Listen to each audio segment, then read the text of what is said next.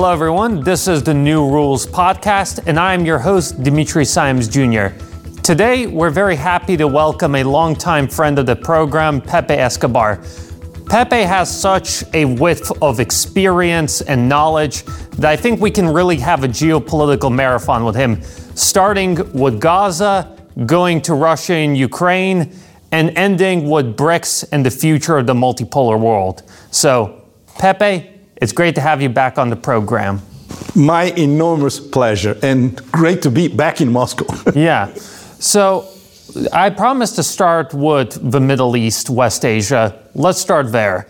A while back, you published a really fascinating article entitled Why the U.S. Needs This War in Gaza. Why does the U.S. need this war? And how does it exactly benefit from the human tragedy that we've seen unfold over the past month and a half? Exactly. And why the US would mean why certain silos of knowledge, information, and power politics in the US need wars.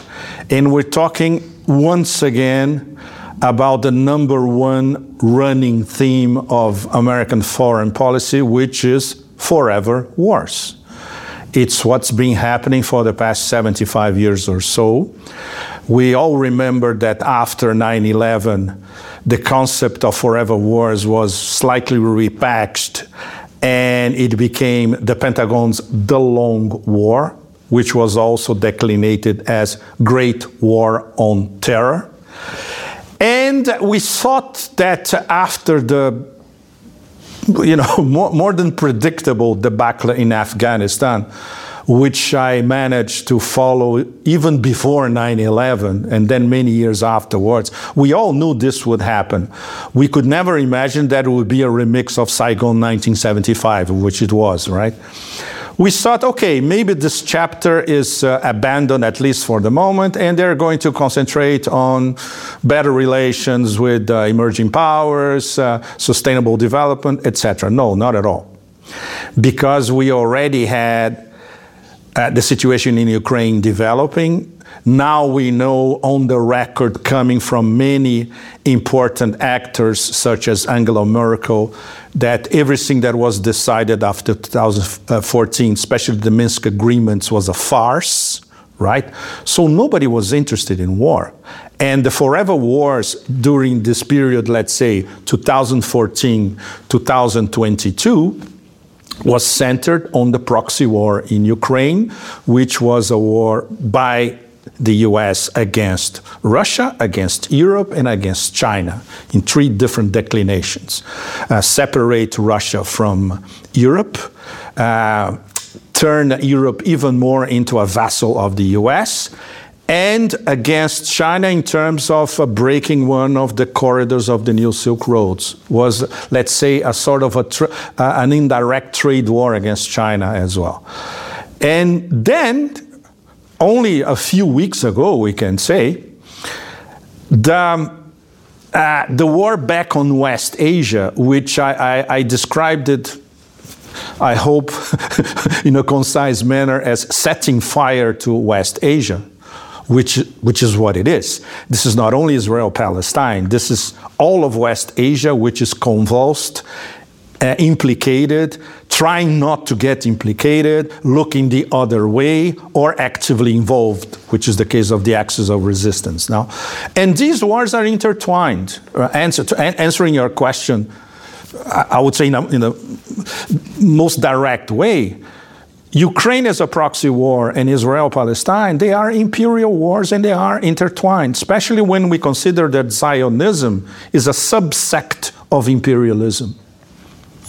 So, I guess sort of there's a lot to unpack here, but if I understood you correctly, the main thing here is that following the withdrawal from Afghanistan, the United States had a new mission deter Russia and China from building a sort of new economic Eurasia that would be you know, united by new trade routes, new financial systems, new political alliances that would not be subject to US pressure.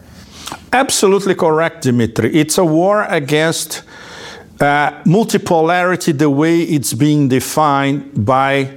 It's very, very important always to stress the, strate- the comprehensive strategic partnership between Russia and China.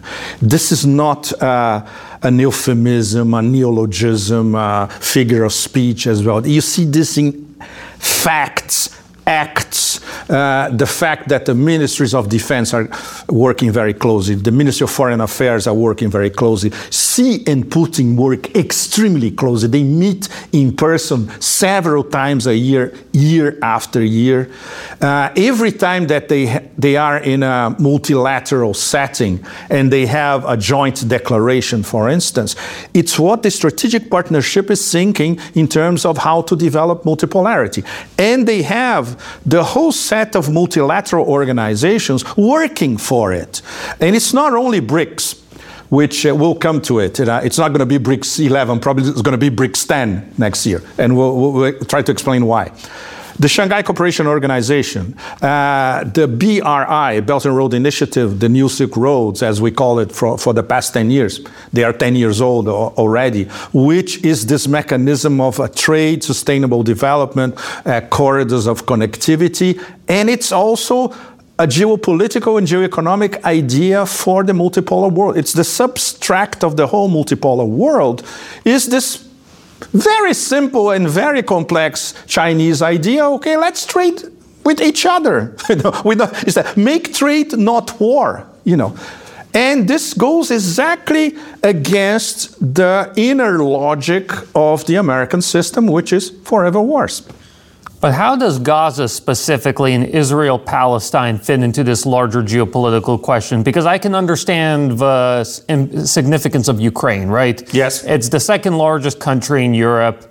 It ha- if Russia were to be able to create this unification of the Russian people, bring people from the Donbass, from other traditionally ever Russian regions into the fold of the greater motherland, Obviously, that would represent big geopolitical and military defeat for the United States. Yes. But why, how does Gaza fit into this sort of great power competition with Russia and China?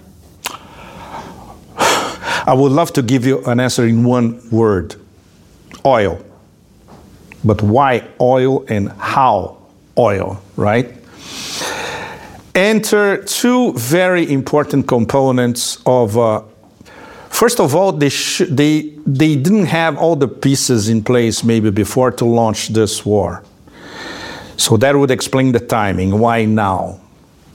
And these two pieces of the puzzle, they fit in perfectly. One is the IMEC, which uh, the, the, neologism doesn't explain what really is. If you look at IMEC, you see, okay, this is an India Middle East corridor. No. It's much more complicated than that. This is the European, Israel, Saudi Arabia, United Arab Emirates, India corridor. Why? And this was, don't forget that this was launched by the US officially at one of the G7s. Just in Delhi, right before uh, the infamous October 7th attacks. Exactly. Very good. And right before Bibi Netanyahu in person showing up at the pulpit of the UN at the General Assembly with one of those uh, Looney Tune maps that Israelis love. And when you look at the Looney Tunes map, there's no Palestine.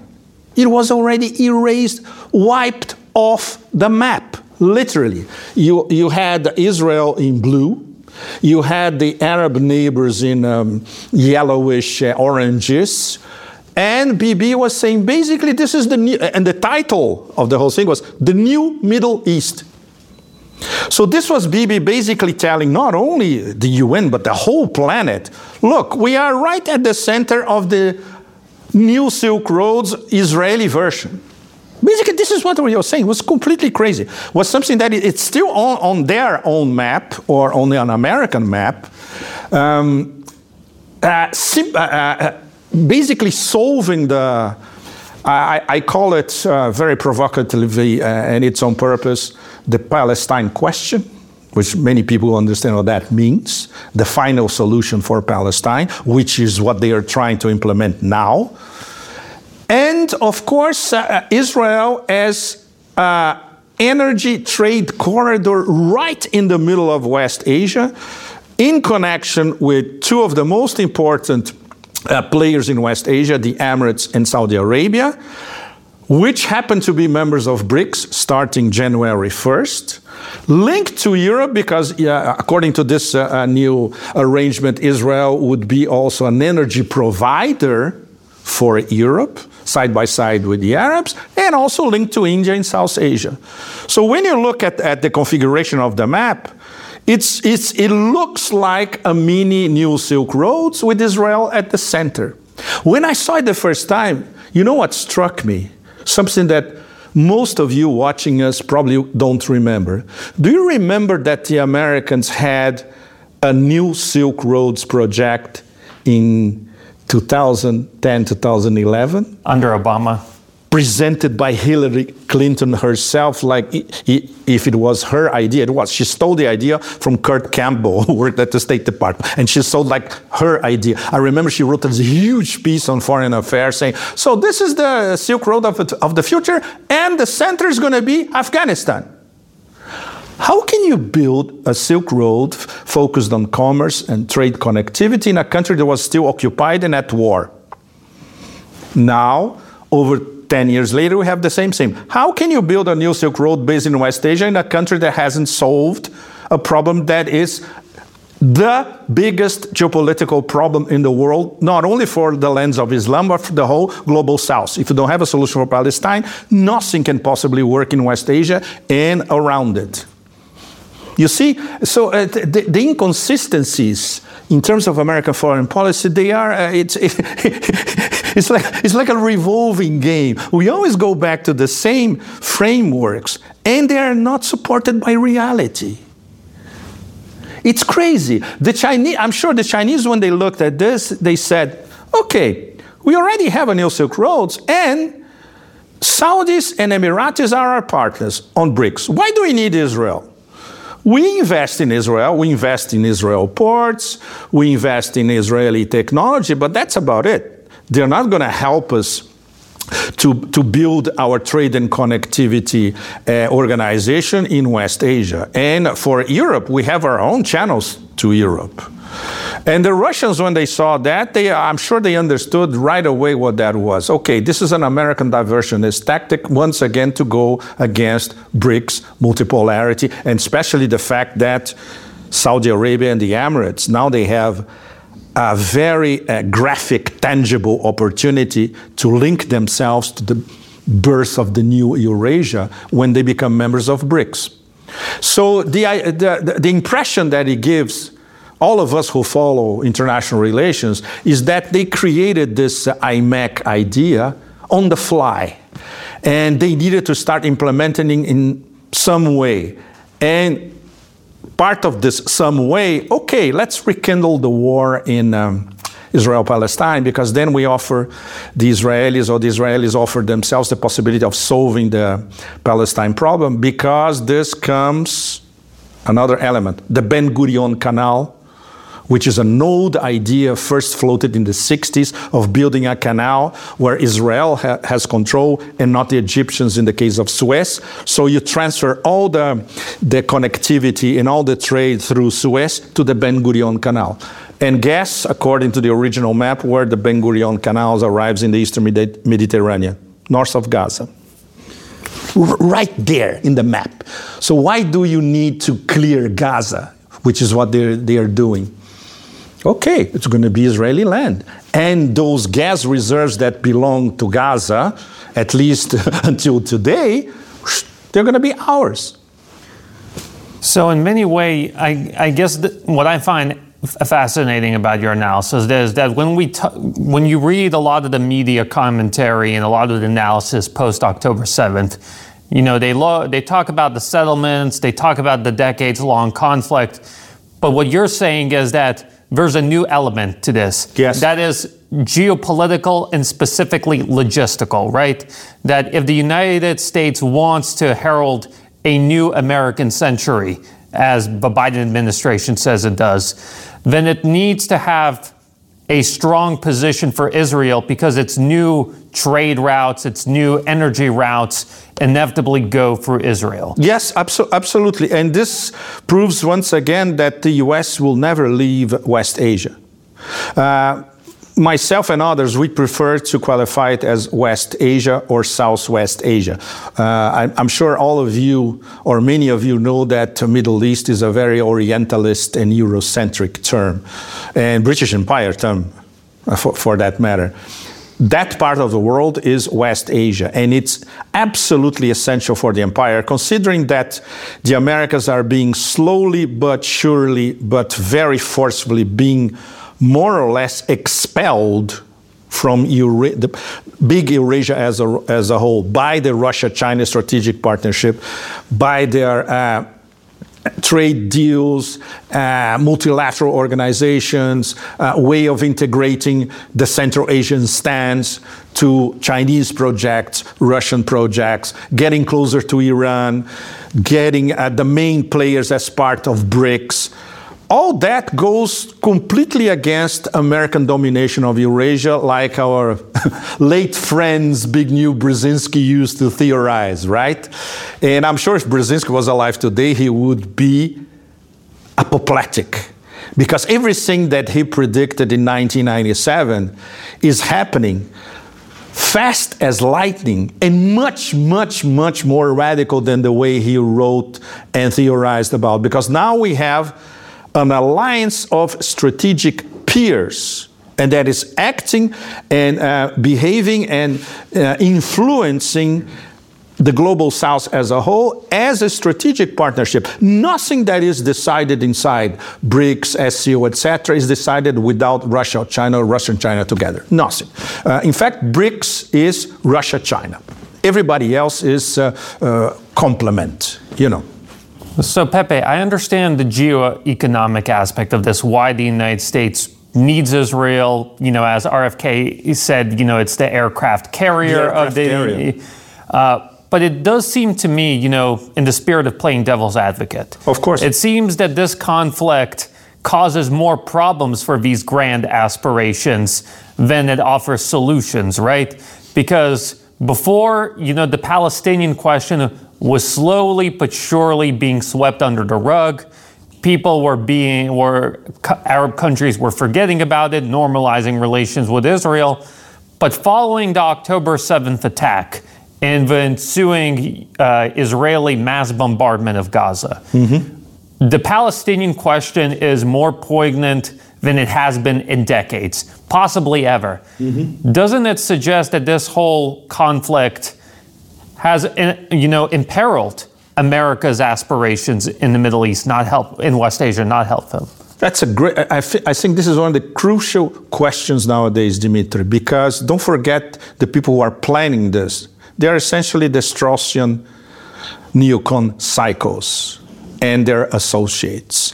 What our great friend Ray McGovern dis, uh, described as the MICIMATT, the industrial, military, intelligence, congressional, media, academia, think tank complex. You know, and most of these actors uh, who have a strong voice in American foreign policy, who are, you know, they are on the front page of the Washington Post or they are on CNN all the time. They are part of the MICIMATT, and they're not very, very great strategists. They are lousy tacticians. And they make, I would say that they make business plans, short term, short term tactics posing as strategy.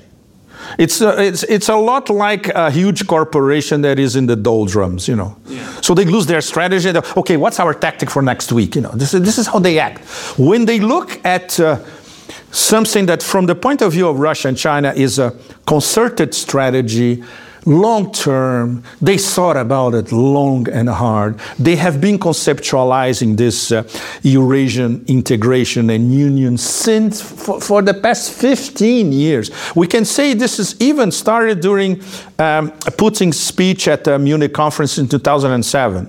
Then we had the, the Chinese Ministry of Commerce thinking, okay, can we get this sort of, can we revive the New Silk Roads and put everybody in, uh, in the same bag? Oh, yes, they can.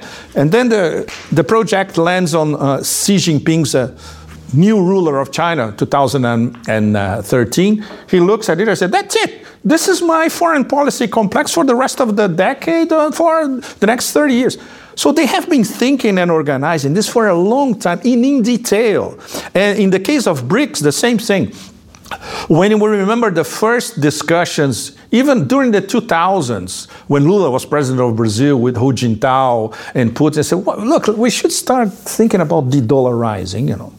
It took them what, 15 years, and now everything is happening at the same time, at you know breakneck speed, because they had been thinking it over in detail for a long time and discussing it at the highest level.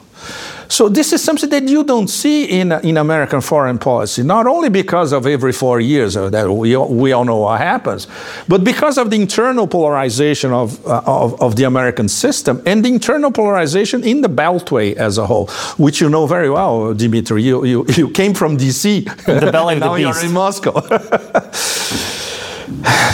Yeah, but you know, I think we all remember now. Everyone mocks that infamous those infamous remarks by Jake Sullivan and that infamous article in Foreign Affairs that went to print but never went online. Never went online. He, where he said the Middle East is more peaceful than it has been in decades, and we don't have to think about it much in the Biden administration. But doesn't that suggest that none of this was planned by the United States? That once again, the United States, although it is this sort of superpower, was caught with its pants down and you know it's improvising on the fly as things go along. Absolutely. Absolutely. Absolutely. It's a very good definition. Cut with the pants down it's perfect as a definition of foreign policy because this is what it was. Uh, we can um, it's not speculation because it's based on a very serious fact but we could detect a final go ahead for this thing to okay, let's make it happen. The famous September 20 meeting at the White House between, I would not say Biden, I would say his earpiece, you know, the guys running the show on the earpiece, and Bibi in person at the Oval Office. Because by then, and this is something we already know, even people inside Israeli intelligence knew that something was afoot in Gaza, even, even if they didn't have the details. Egyptian intelligence, which has people on the ground in Gaza who speak the Gaza dialect, this is very, very important. You cannot train somebody in Tel Aviv, send him to Gaza and speak with a Gaza dialect. No, he has to be a native. The Egyptians have this kind of information on the ground. They say, look, something's going to happen. They relayed the information to IDF, Shin Bet, Mossad. Nothing happened. Now we also already know that on the day of Al Aqsa flood itself, there was a stand down order coming from Bibi himself for seven or eight hours. Don't do anything. So when we put this all together, we say, okay, they knew something was happen, was going to happen, and this was the perfect excuse for this whole crazy train to start rolling. And this was certainly the, if you if you read the White House readout of September 20, it's not there. There are a few hints that you can interpret, like yes, they discussed uh, Israel Palestine in detail, and that's why it's not here, right? And obviously, Bibi was what was Bibi selling to the handlers on, on, on the White House? The Ben Gurion Canal, Final Solution for Palestine, IMEC, which he didn't have to sell because the Americans invented IMEC. And okay, and after all that, that's it. We clear Gaza, and then we can do everything you want. And it's great for you guys because then you can uh, speed up IMEC. And this is what exactly what you wanted. Don't you want uh, uh, against China New Silk Roads? That's it. And we're right in the middle, and we'll do it for you. So is it very fair to say that you know, the Israelis miscalculated the international response that their operation in Gaza ended up garnering. Yes, they did. Because uh, as, as a subsect of imperialism, they live in their own ivory tower. Just like the Americans in the Beltway, uh, the Israelis in, in Tel Aviv. They never could possibly understand that the ultimate red line for the Arab world, especially for the Arab street. I'm not talking about Sisi in Egypt or MBS in Saudi Arabia or I'm talking about the Arab street. And for the lens of Islam as a whole, we're talking about at least 1.8 billion people all over the world. The ultimate red line is Palestine and Al Aqsa. And Al Aqsa had been invaded before. They were attacking vendors that stay uh, in the perimeter of, of, the mosque and the pilgrims as well. Uh, there was this. Uh, absolutely terrible invasion of Al Aqsa by 800 Israeli settlers. And this, when, when you think about it, the reaction already at the time in the whole Arab world and lens of Islam was, what is this? You know, it's like, it's like they were invading Mecca and Medina. It's the same thing. And this was uh, uh, a few weeks before Al-Aqsa flood was one of the reasons for, our, for the timing of Al-Aqsa flood from the point of view of Hamas. The planning by Hamas was something mind-boggling. In fact, when, when you see Sheikh Nasrallah, who is probably the finest strategic brain in the whole of West Asia, he was impressed and he said, not only we didn't know but we were very impressed with the sophistication of the whole operation. So can you imagine the Israelis themselves in their ivory tower? Now, we have, uh, this is what they told Jake Sullivan when Jake Sullivan wrote the article that you mentioned. The Israelis told him, look, we got it under control. Nothing's going to happen. But then I guess how do, does that balance with the fact that you know, they got info from the Egyptians that units near the border knew something was happening. Yes. Was it willful ignorance or, you know, how do we reconcile the two? Willf- willful ignorance because uh, they, they saw it as the opening that they needed to advance. In, in fact, the whole project, uh, because the whole project, everything is intertwined. IMEC, Ben Gurion Canal, Final Solution for Palestine, etc. And that it gets even more toxic. A Bibi Netanyahu government that is on the brink of being expelled, and then he will go to jail. So it, this is his last card.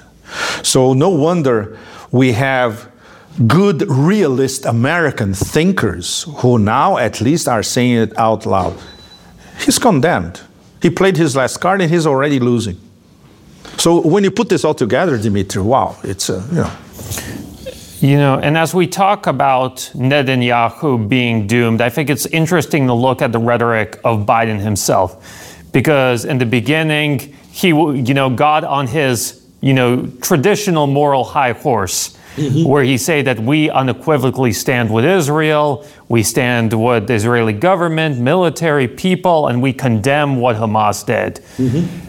And that, you know, he emphasized Israel's right to self-defense. Now the rhetoric has started to, to shift.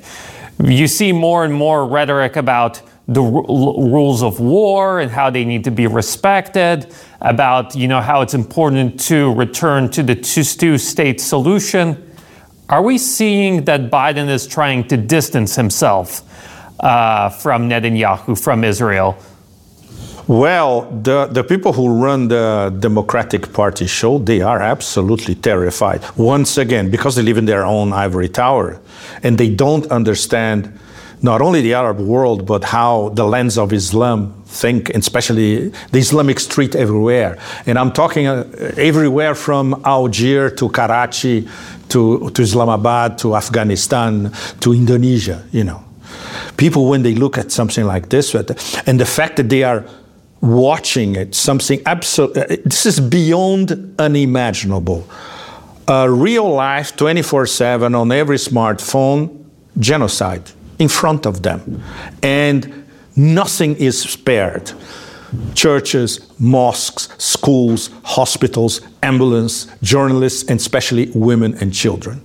This is in any, I would say, uh, not even humanist, but human framework is inadmissible. How can the government of the so called uh, greatest power in the history of the universe, according to, to Biden himself, how can you be for it? It's absolute, but now it's too late. First impressions, you know, are always very, very important. First words, people tend not to forget them. And that's it. From the beginning, they simply ignored what was happening to the Palestinians as a mirror image that they simply ignored what was happening to civilians in Donbass since 2014. It's the exact same thing. They are not worth it. So, what my, my friend Saker used to call uh, uh, snow, which was a terrible expression, but very, I would say, very appropriate, uh, applied to Russians from the point of view of the American elite, applies to the, sorry to say that, the sand in Palestine. It's the same thing. The other doesn't exist. Um, just as an interlude, if I may, I'm reading an amazing book by a Chinese philosopher. Uh, and uh, congratulations to, to the US to make it possible. This was edited by Princeton, Princeton University Press. Can you believe they translated it? It's a book by a Chinese uh, professor at the University of Xidian, and her book is so mind blowing because we have a Chinese scholar explaining, not only to Chinese but to a Western audience, why the West is racist and imperialist in philosophical terms. You would never see this kind of discussion in, in the West. I assume not even inside Princeton you have it. You need an editor at Princeton University Press. Okay, this is very important. Even if it's read by 10 people, it's important. But the Chinese understand because the Chinese see everything as a whole. And they don't have a hierarchy in nature. And the professor is she's amazing. She goes back to Plato and Aristotle, and she shows that in Plato and Aristotle, this hierarchy and this, uh, you know, we are at the top and the rest of barbarians is already there. So it's inbuilt in the foundation of Western civilization. And you don't find this in China, and she proves that you don't see that in China.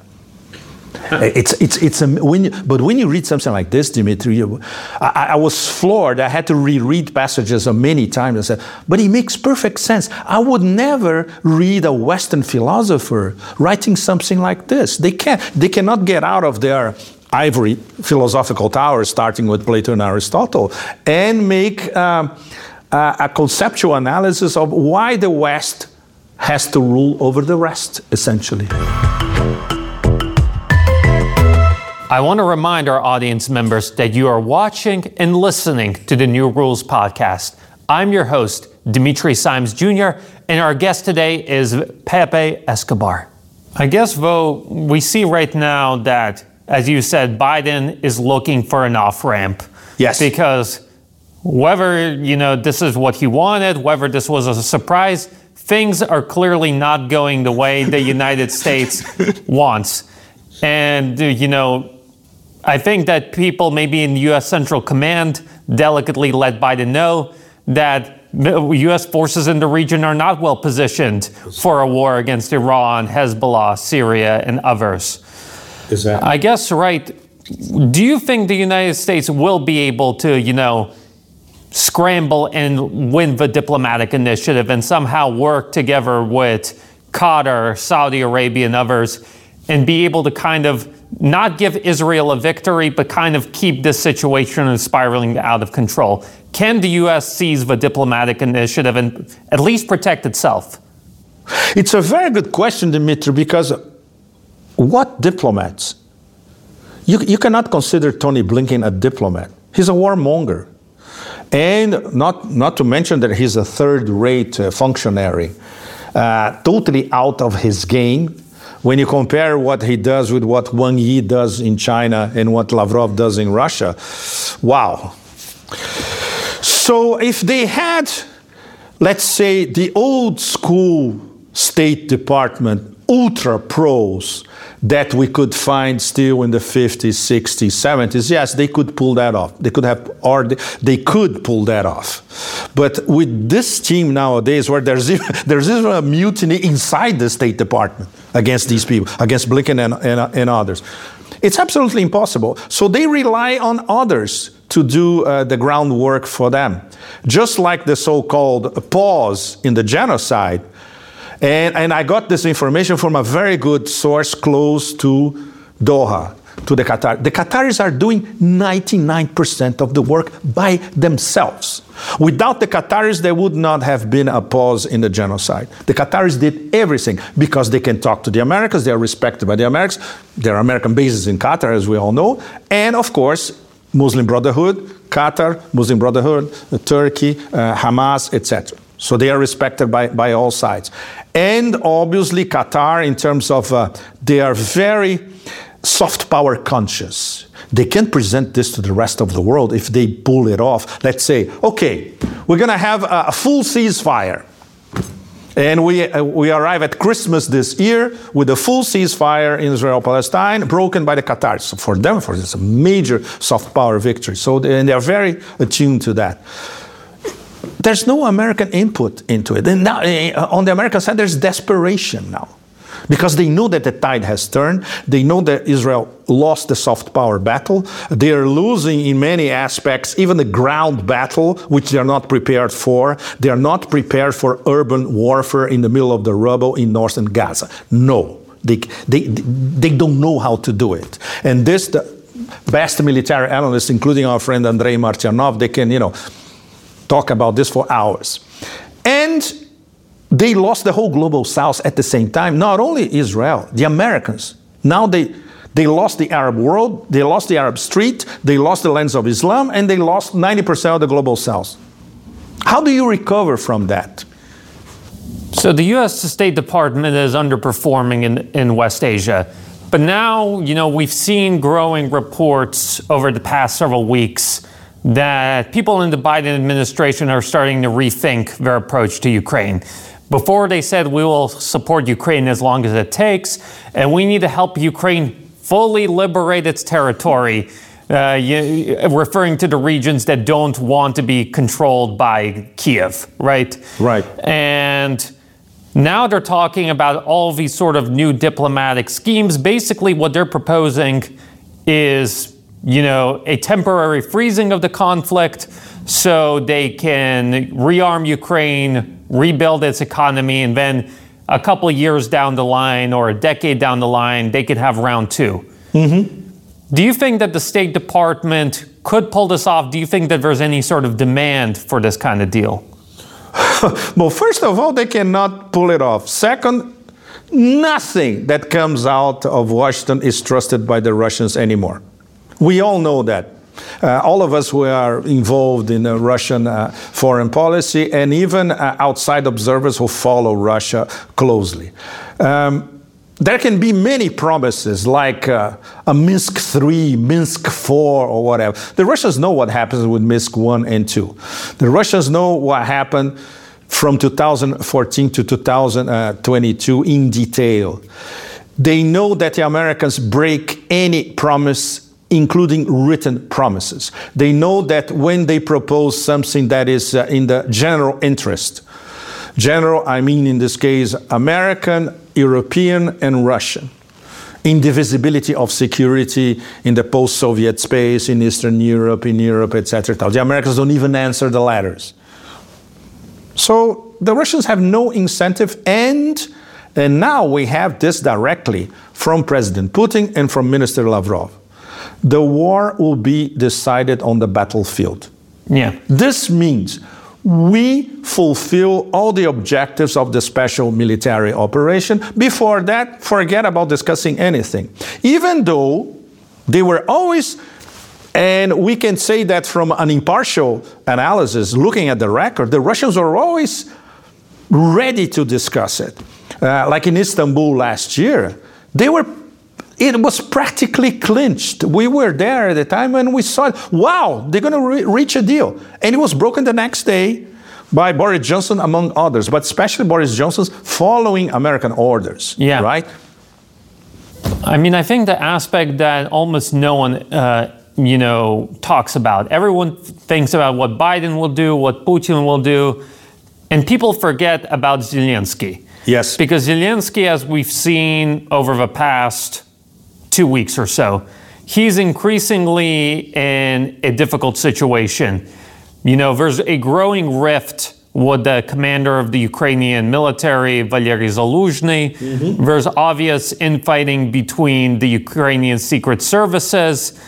And the sort of unity that they had at the beginning of this conflict is starting to fracture, right? Right. So if you're Zelensky, right, and polls show that a majority of Ukrainians still support maximalist military goals, and it's not surprising because once you launch the propaganda machine and you convince people that you're constantly winning, that you're invincible, that the entire world is supporting you, and that the Russians are a bunch of, you know, barbarians stuck in the 1930s, you know, it's kind of hard to walk that back and then say, sorry guys, we were exaggerating this entire time. We need to make, you know, serious temporary concessions. You know, do you think that, you know, all of these sort of schemes being cooked up by the Biden administration, will Zelensky go along with it? Or do, could you see him going rogue? Well, Dimitri, the, the, the key, uh, okay, the key vector in the whole drama, he's just an actor. So he follows a script. If they impose a new line on the script, he has to recite it. That's it. He has no other option. If he goes against it, he'll be fired. That's how it works in the film industry. That's how it works in the television industry. And in this case, we have uh, once again another fascinating case of the actor impersonating his character to a degree that it goes uh, beyond any any uh, theater theory. In fact, you know, it's beyond Stanislavski. In fact, he actually believes that he is the president, and he uh, his decisions are final. They're not.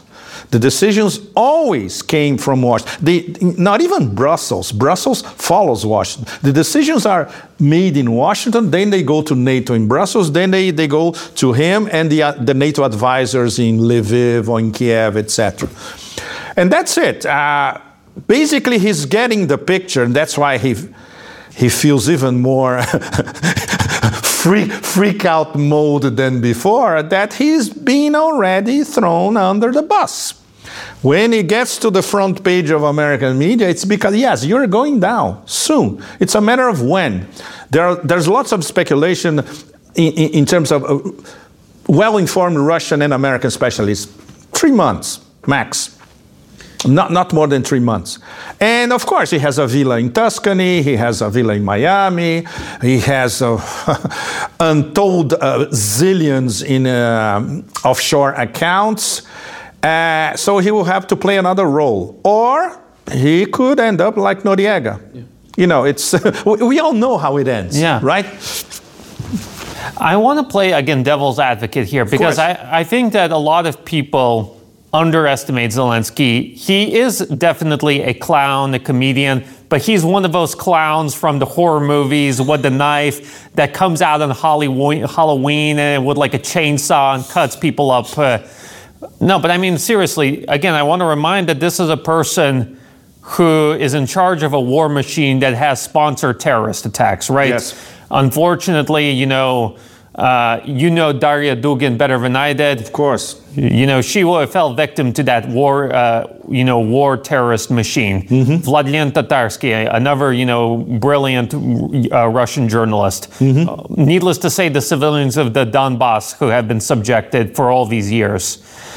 I think that Zelensky is capable of going unhinged and he will try and go asymmetrical to kind of keep the Americans supporting him, right? Mm. I could very well see him, you know, trying to orchestrate some sort of, I don't know, a terrorist attack in against a larger civilian uh, target, right? Mm-hmm. Not just a prominent journalist, but you know, against civilian targets, you know, some sort of civilian public infrastructure, so on and so forth. Mm-hmm. I mean, they've been trying to do that with the drone strikes on Moscow, but yes. Russian air defense has been pretty resilient. But I think that, you know, they're going to keep on, they understand that without the support of the United States, they cannot win this conflict. And so, given how extreme these people are, how ideologically fanatical they are, I think that they could try and orchestrate something in order to keep the support going, in order to keep the conflict going, and force the United States to either wave the white flag and accept geopolitical defeat or double down somehow. Exactly. It's a, it's a very, very good point because, uh, okay, to what could um, uh, break down this scenario? The dogfight between, uh, which is now personal, between Zelensky and Zaluzhny. This is getting really out of control. And a lot of important people in the SBU are also involved, and they are picking sides as well. So if we see this dogfight of the big rats eat, eating each other in Kiev, it's hard to imagine that they can coalesce into a plan like you mentioned, which until a few weeks ago, uh, all of us were very worried about a major false flag or attack against civilians inside the Russian territory, which is, is still on the table. They, they could do this if they got their act together. At the same time, we see that the act is not together anymore. It's falling apart all, o- all over the spectrum. So we have two scenarios. One, this would get much, much worse in the next three months, and then in the next three months, the Americans say, okay, throw him under the bus, definitely. Or some SBU really, really hardcore actors, and we know there are plenty of them, they managed to pull off, I hope it doesn't happen, of course, a major operation against Russian civilian targets inside, no, I, will, not say even in Crimea, but inside Russian territory, outside of Crimea. This, this would be their message to the Americans. Okay, you want to throw all of us under the bus after everything that you did for you? No. We're going to die fighting. Are you going to die fighting with us? And obviously, the Biden administration is going to say, no, we're not going to die fighting with you. You're on your own. Which could be even worse, Dimitri, because these people on their own, there's only one solution for them. You know, it's uh, Mr. Kinzhal presenting his business card. Yeah. At selected addresses. Yeah. You know. And I'm not sure uh, the Kremlin is ready for that now. But depending if there is a false flag and if there is a major attack, I think, you know, all bets are off. Yeah. And I mean, taking a wild geopol- you know, geographic detour as we're coming towards the end, I have to ask you about Latin America. Because, you know, we talk often about the formation of the multipolar world. Yes. Countries choosing new sources of power and cooperation instead of the United States. But it seems that in Latin America, there has been a major reverse with the election of Milei in Argentina, who, you know, there of course always have been pro American leaders, but he's more demonstratively, right? Mm-hmm. He explicitly talks about America and Israel as being part of the civilized world and countries uh, belonging to BRICS as part of the barbarian communist world. Exactly. Do you expect that? I think, what do you make of the situation in Argentina and how does it affect BRICS going forward? Well, it affects BRICS enormously because um, we mentioned in the beginning of our conversation this could uh, fast turn into BRICS 10 starting January 1st with the Russian presidency. Well, uh, they keep saying, and not only Milei, but uh, his uh, uh, possible foreign minister. She already said on the record that uh, we we're out of BRICS. We don't know if this is. We know that when these so-called self-styled outsiders, when they get the government and they see how complex it is to run the machinery of government and international relations, how complex they are, they change their tunes. We still don't know about Milei. Uh, for the moment, what he's saying is what he was saying during his campaign. He's gonna, he cannot break uh, these relations because these are the top two trade partners of Argentina. Brazil and China in that order. He cannot break, but he could restrict relations with both, but to the benefit of whom? Who's going to sell to Argentina what Brazil and China sells to them? Kazakhstan? I doubt it. Europe, forget it. The US, they don't have it. And out of BRICS, we ask because it would be a grandstanding gesture. No, we align with, with uh, he knows he's going to be rewarded by Washington if he does that because we have a Trojan horse inside BRICS. And BRICS may, uh, when I say BRICS, Russia and China can even think in terms of look, we're not going to allow the Tro- uh, Trojan horse. We, uh, we invited them, we can disinvite them. And if they are disinviting themselves, even better. We don't do anything. They simply don't show up at the table on January 1st. Simple as that. Uh, it's a very sad story in Argentina. For, Argentina is very close to my heart. Uh, we were neighbors uh, when I lived in South America. I went there many times. I crossed the country. I have many friends in Argentina, Argentinian writers, which were some of my role models, in fact. And uh, it's inevitable. It's one of the most toxic oligarchies on the planet. Very restricted, maximum 20, 25 families.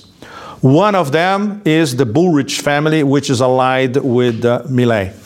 She's probably going to get a few posts. Uh, her, I mean, uh, uh, the uh, the Bullrich uh, Harris. They're going to get posts in the in government, and the other one is even worse. Macri, the former president, and the last few days, guess where he was? Macri, Qatar, talking to the emir in person. So Macri is already organizing deals involving Qatar to the benefit benefit of Argentina. We, we still don't know the details, but this is very, very worrying because he's already thinking about plan B. No China, no Russia, no Brazil. We need somebody, Qatar. Could be energy, could be a lot of investment of the Qatar Investment Fund, which they have the over, you know, trillions if they can. So it's terrible because we see uh, South America already cut off.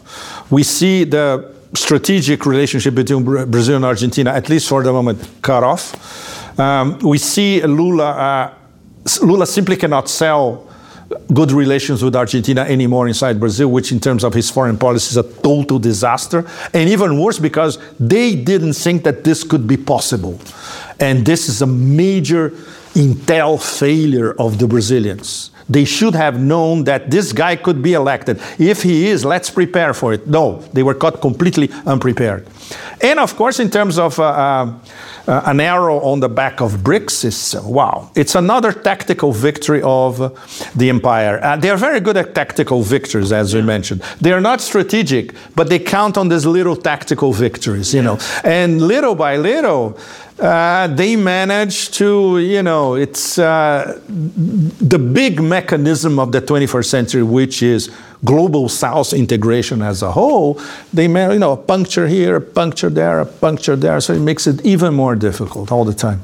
So, I mean, you said that there's now a big arrow on the back of BRICS. And this was clear even, you know, this year that's coming to a close. Yes. But next year, Russia's taking over the BRICS presidency. And so, inevitably, any sort of BRICS expansion, uh, deepening of BRICS cooperation will justly be viewed as partially as a Russian diplomatic victory. Absolutely. So, do you do you expect the global American empire to try and launch an economic counteroffensive against BRICS this coming year? And if so, how could this counteroffensive look like? Well, they will try, but uh, uh, the, it depends on the actors that they have. Uh, playing on their side. They have a completely collapsing European Union, which is another one of those tactical victories. The Nord Stream drama, and now we all know, thanks to the great Sy Hersh, who did it. But obviously, the Biden administration still haven't read the Sy's report, right? That was a major tactical victory because they cut off sources, cheap source of energy of uh, the European miracle for the past few decades. They turned uh, Europe into a vassal, and now the EU as a whole is completely colonized by the Americans. And it's dependent on the Americans and on the deals that the Americans tell their partners to clinch with the EU. So, uh, and what do they have against? 88% of the global population, Eurasia as a whole, a great deal of West Asia, especially after Israel Palestine, uh, the ascension of Iran, uh, the fact that uh, the Emirates and uh, Saudi Arabia, they are playing double games, but they will be part of BRICS 10 or 11, inevitably. So this means closer to Russia and China. Uh, the long list of global south countries who want to enter BRICS, Argentina doesn't want it. Who cares? Pakistan already said, we want to get in officially. Indonesia already said, we will be part of BRICS in uh, 2024. And there's an, Algeria, certainly. And of course, because we have one year of Russian diplomacy controlling everything, setting the agenda, uh, especially, it's going to be very hard to fool the Russians from any American machination, uh, considering, of course, the initial tactical victory of Argentina. There won't be another Argentina, although there are candidates. One of them is Kazakhstan. Kazakhstan is a crucial, the Russians have to be extremely careful and wary of what's happening in Kazakhstan because Kazakhstan wobbles a lot. The Atlanticist influence is very, very strong. Uh, all the major oil majors are invested in exploration of Kazakh energy. Uh, there is an enormous pro Western lobby inside Kazakhstan at the same time that the multi-vector diplomacy. Okay, let's have good relations with Russia and China at the same time. But uh, I, I, we could say that uh, one of the battlefields of 2024 is going to be Kazakhstan. But because Kazakhstan is a member of the New Silk Roads, China, Greater Eurasia, Eurasia Partnership, Russia, Eurasia Economic Union, Russia, Shanghai Cooperation Organization, Russia and China, it's going to be very hard to destabilize them. With Argentina, it was very easy. You just took a guy with a fake chainsaw and the country collapses. And on that cheery note, I want to remind our audience members that you watched and listened to the New Rules podcast. I'm your host, Dimitri Simes Jr., and our guest today was Pepe Escobar. Pepe, where can our audience members go to keep up with your work? I'm sure that after this interview, they want to subscribe to all of your social media, you know, sign up to all the emailing lists. Where do they go? Well, uh, I think a lot of people know that I spent uh, 20 years associated with Asia Times in Hong Kong. Not anymore. So now I publish exclusively on three different media Sputnik International, of course uh, Strategic Culture, based in Moscow, and The Cradle, based in Beirut. Uh, I'm going to start a Substack soon with longer essays with more history, philosophy, uh, art, culture, etc., not following the news cycle, which is an enormous challenge. I'll ask people to take 20 or 20 minutes or uh, 30 minutes of their life to read a long text. So it, it better be good, right? It's a, it's a challenge. And of course, in Portuguese, I do something called Pepe Café. So this is the Lusophone world. Uh, so this is it basically for the moment, and a lot of podcasts. yeah. And if you want to keep up with our podcast, which you definitely should, the very first thing you should do is like this video and subscribe to our Rumble channel. It really helps get the word out about us. Additionally, all of the links to our social media will be included in the description below. And I hope that sometime over the next couple of weeks, we'll have a big announcement to you about our future plans for expansion. But for now, thank you all for watching. Till next time.